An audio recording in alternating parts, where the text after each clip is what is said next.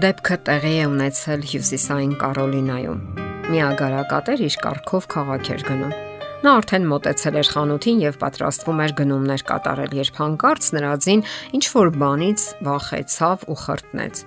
Իսկ երբ ձիերը հանկարծակի խրտնում են, նրանց դժվար է հանգստացնել։ Ագարակատերը անմիջապես ծլացավ եւ բռնեց ձիու սանձերից։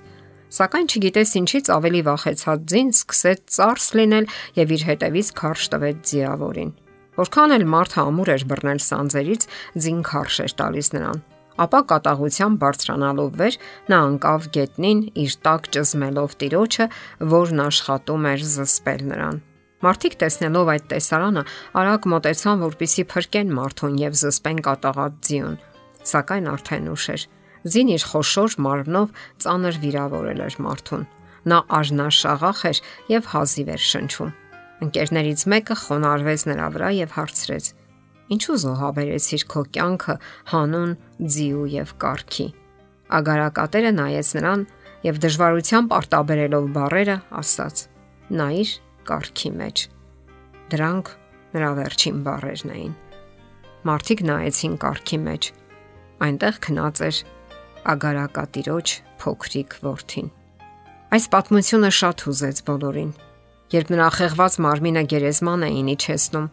ոչ ոք չասաց։ Զոհաբերությունը չափազանց մեծ էր։ Չէ որ կարքի մեջ հանգիստ, խաղաղ ու անվտանգ քնած էր նրա փոքրիկ որդին։ Այս պատմությունը մեզ հիշեցնում է մեկ այլ պատմություն։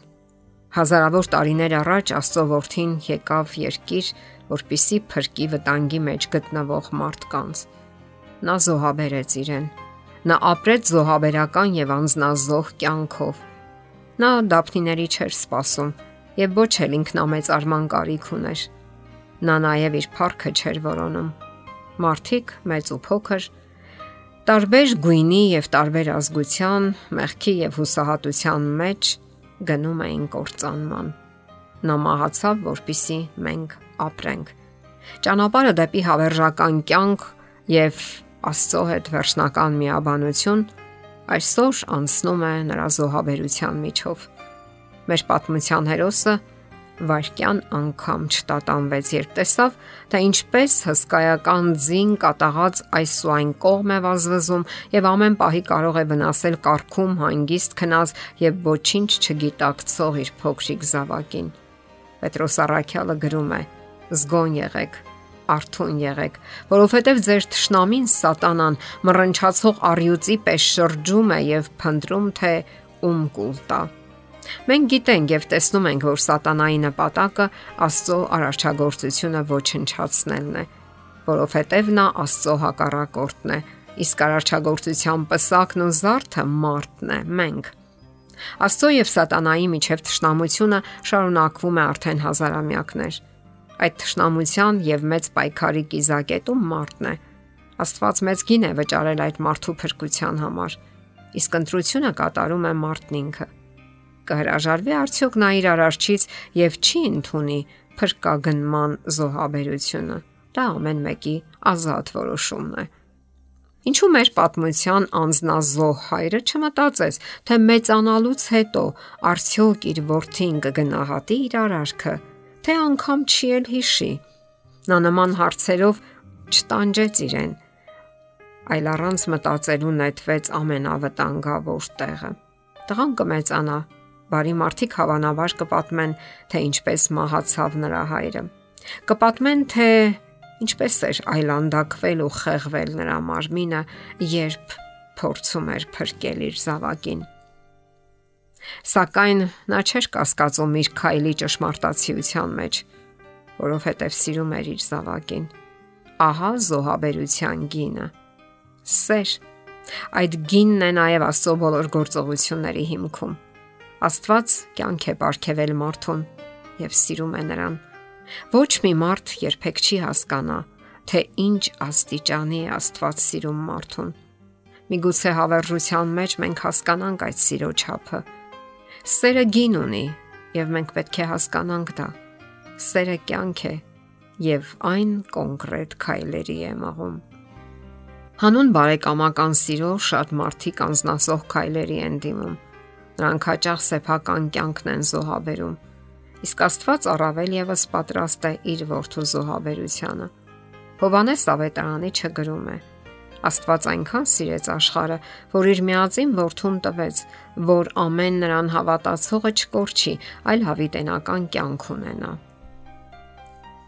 Աստված սիրո падգամ ուղարկեց իր որդու միջոցով։ Անսահման սիրո, որի եզրափակիչ քայլը իր քավչարար մահն էր։ Կա արդյոք ավելի մեծ սեր, քան եթե մեկը իր կյանքը դնի մյուսի փոխարեն։ Մեր պատմության փրկված որդին անկասկած շնորհակալության ու երախտիկի զգացումով կհիշի իր հորը։ Գուցե արցունքի մի քանի կաթիլ էլ հոսեն նրա աչքերից։ Իսկ մենք, մարդիկս, ինչպես ենք ամեն անգամ հիշում այդ հրաշալի եւ զարմանահրաշ պատմությունը ամենակարող եւ անսահման հզոր էակի Աստծո զոհաբերությունը մահը իր իսկ ստեղծած արարածների ձեռքով Հնարավոր է մենք շնորհակալության եւ երախտիկի զգացումով հիշենք։